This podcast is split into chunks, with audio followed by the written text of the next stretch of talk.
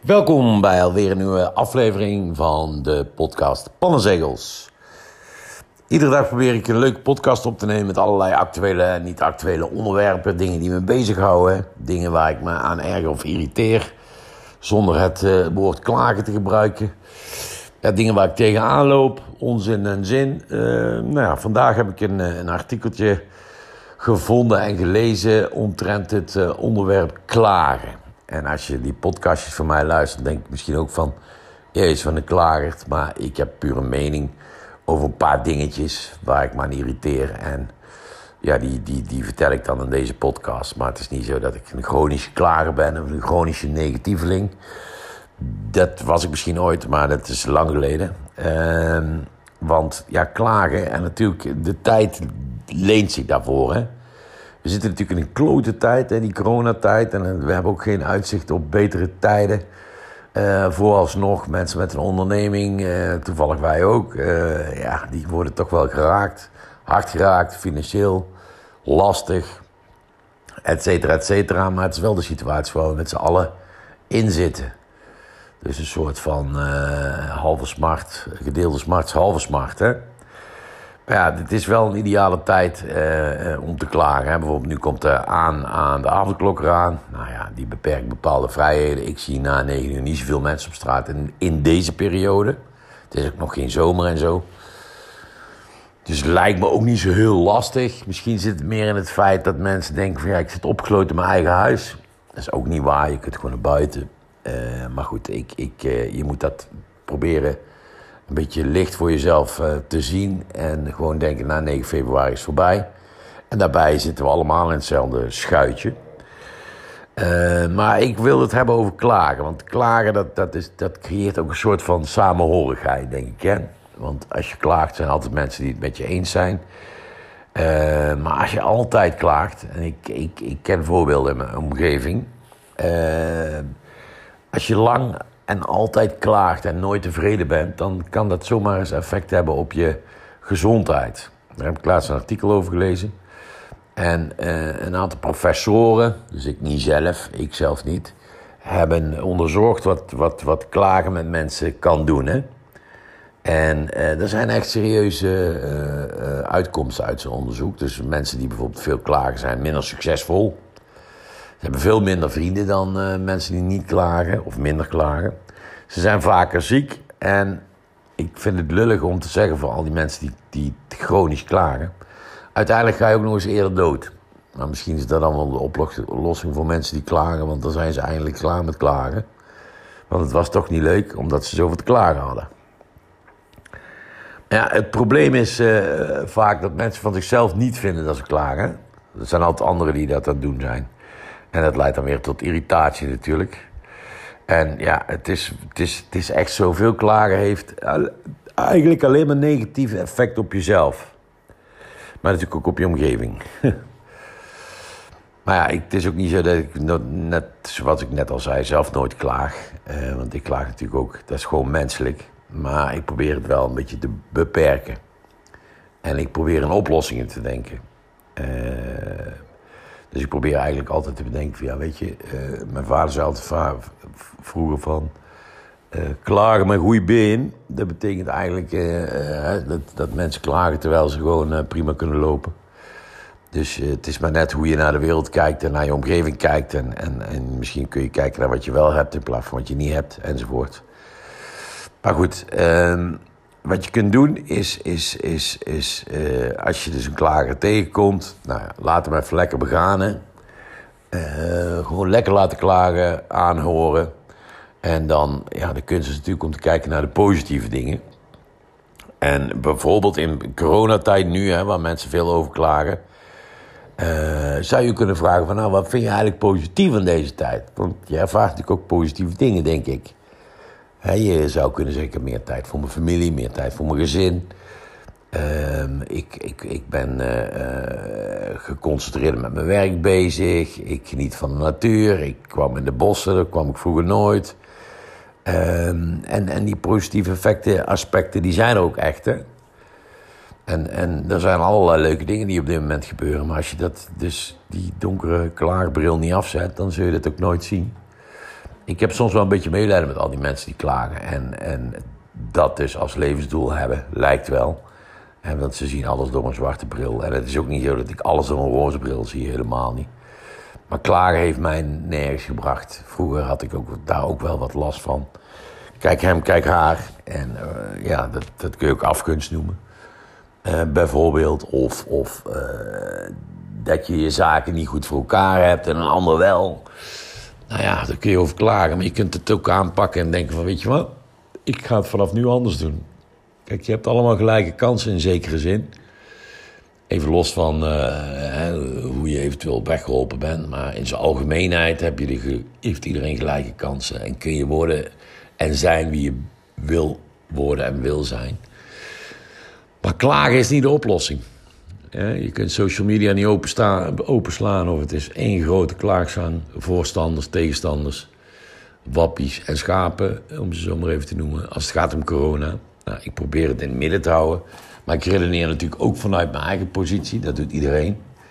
Want als ik iemand recht heeft om te klagen, zou ik het zelf nu op dit moment wel zijn. dat iemand anders besluit om het restaurant van je vrouw te sluiten. Uh, en je hebt daar dus zelf niets over te zeggen. Uh, en je krijgt een vergoeding die niet in de buurt komt van de kosten die gewoon doorlopen. Nou, dan heb je in mijn beleving reden om te klagen. Maar als je te lang op een, eh, bij een stoplicht moet wachten... of de, kleur van de dakpannen van het huis drie, 300 meter verderop in de straat sta je niet aan... of ja, de meest onzinnige dingen waar mensen over klagen. Waar ik de hond uitlaat hangen allemaal bordjes verboden te poepen. Terwijl het gewoon een hondenuitlaattrein is. de weg ernaartoe, dan mag je al, al, moet je je hond al strak bij je houden. Want ik heb het zelf meegemaakt dat mijn hond het niet meer in kon houden. En ik heb gewoon poepzakjes bij je. Wat een onzin trouwens, die poepzakjes. Jezus. Het ziet er wel een beetje lullig uit. Zeker nu ze in het geel, roze, groen en blauw te koop zijn. Dan zie je die stront er nog zo en die verkleurt dan door het roze en blauwe of gele zakje. Maar dat mijn hond het niet meer in kon houden en dat er iemand uh, over het dak zelf sprong en uh, op de vuist wilde, omdat ik mijn hond niet onder controle had. En dat zijn kinderen 100 meter verderop uh, altijd speelden. Ik denk, ja jongen, wacht even, ik heb een zakje bij. Ik heb een zakje. Klagert, jankert.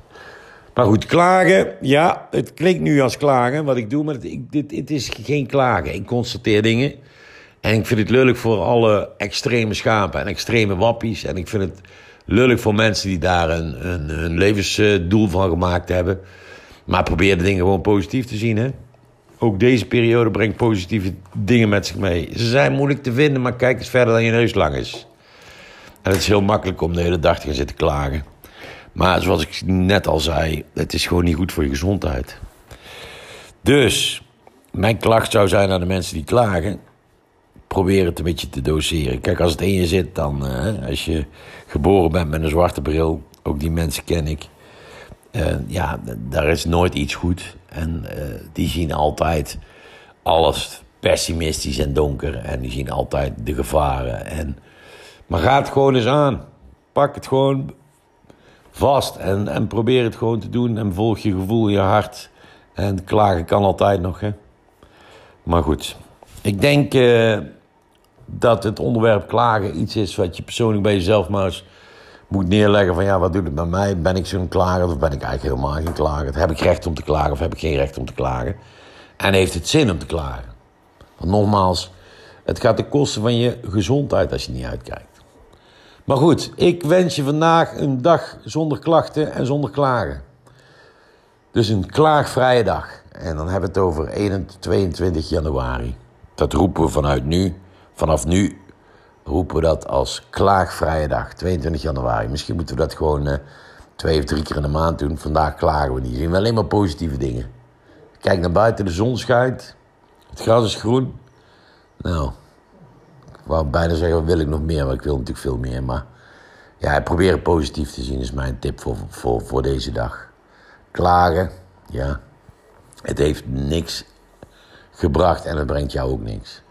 Soms is het lekker, maar probeer te doseren, oude klagers. Dat was hem weer, jongens, pannenzegels. Morgen heb ik een leuk onderwerp. Ik kan, kan niet wachten om erover te beginnen. Maar goed, dat doen we morgen. Fijne dag vandaag. De groeten. Later.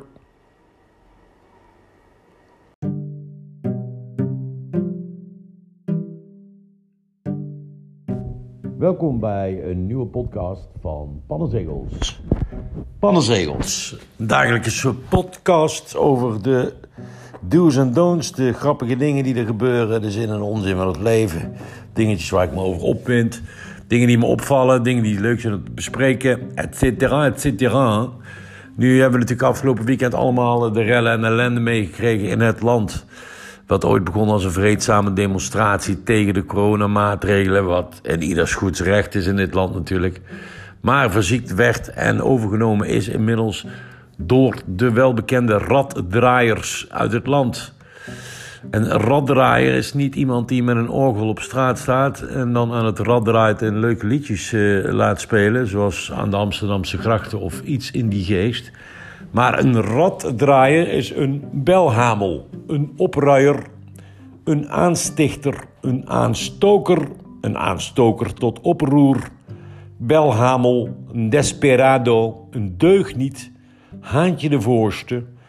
Nou, ook iemand die dus aan de rad draait, een onruststoker, een oproerkraaier, een opruier, een opstoker, een rebel, een relschopper, een schavuit, een vandaal en een veroorzaker. Genoeg synoniemen voor een raddraaier en wie de schoen past trekt hem aan uiteraard. Het waren dus niet allemaal uh, vandalen of relschoppers. Het waren ook opstokers en opruiers. Maar je hebt altijd een aanstichter en een aanstoker. Hoe dat allemaal in elkaar zit en de psychologie hierachter.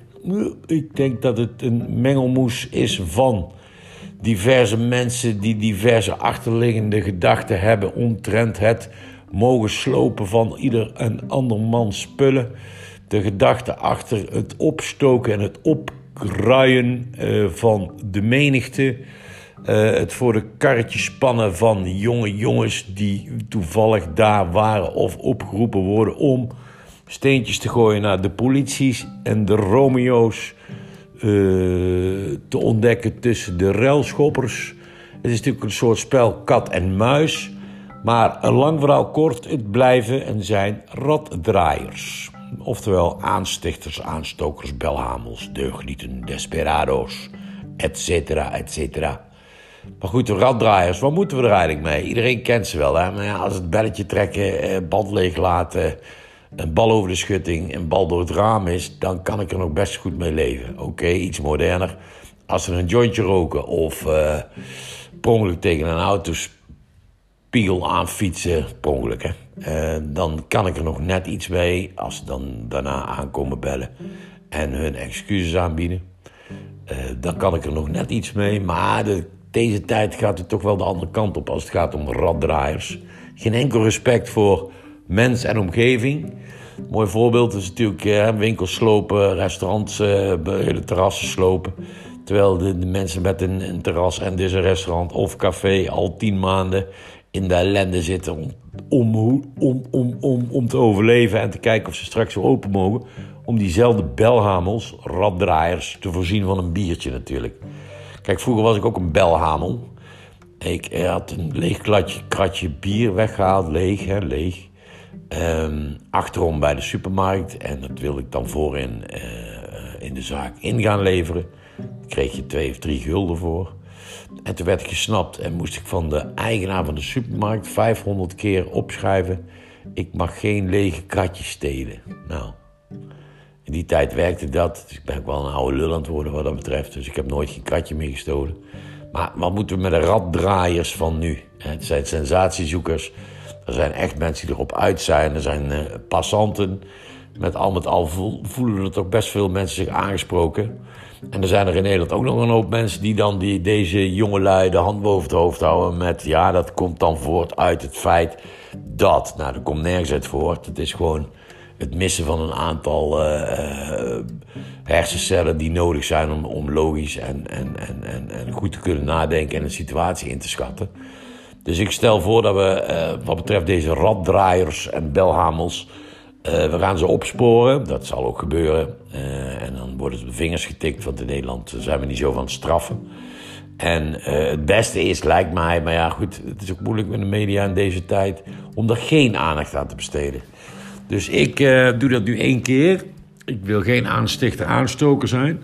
Maar ik vind wel dat alle belhamels en opruiers en desperado's en deugnieten, onderstokers, opruiers en raddraaiers, rebellen, relschoppers, schafuit, vandaal, veroorzaker, dat deze aangepakt worden. Ik, uh, ik uh, denk dat dat een goede zaak is. Als we verder willen en als we licht willen blijven zien aan het einde van de tunnel, moeten we deze raddraaiers met z'n allen aanpakken. Schafuiten dat het zijn.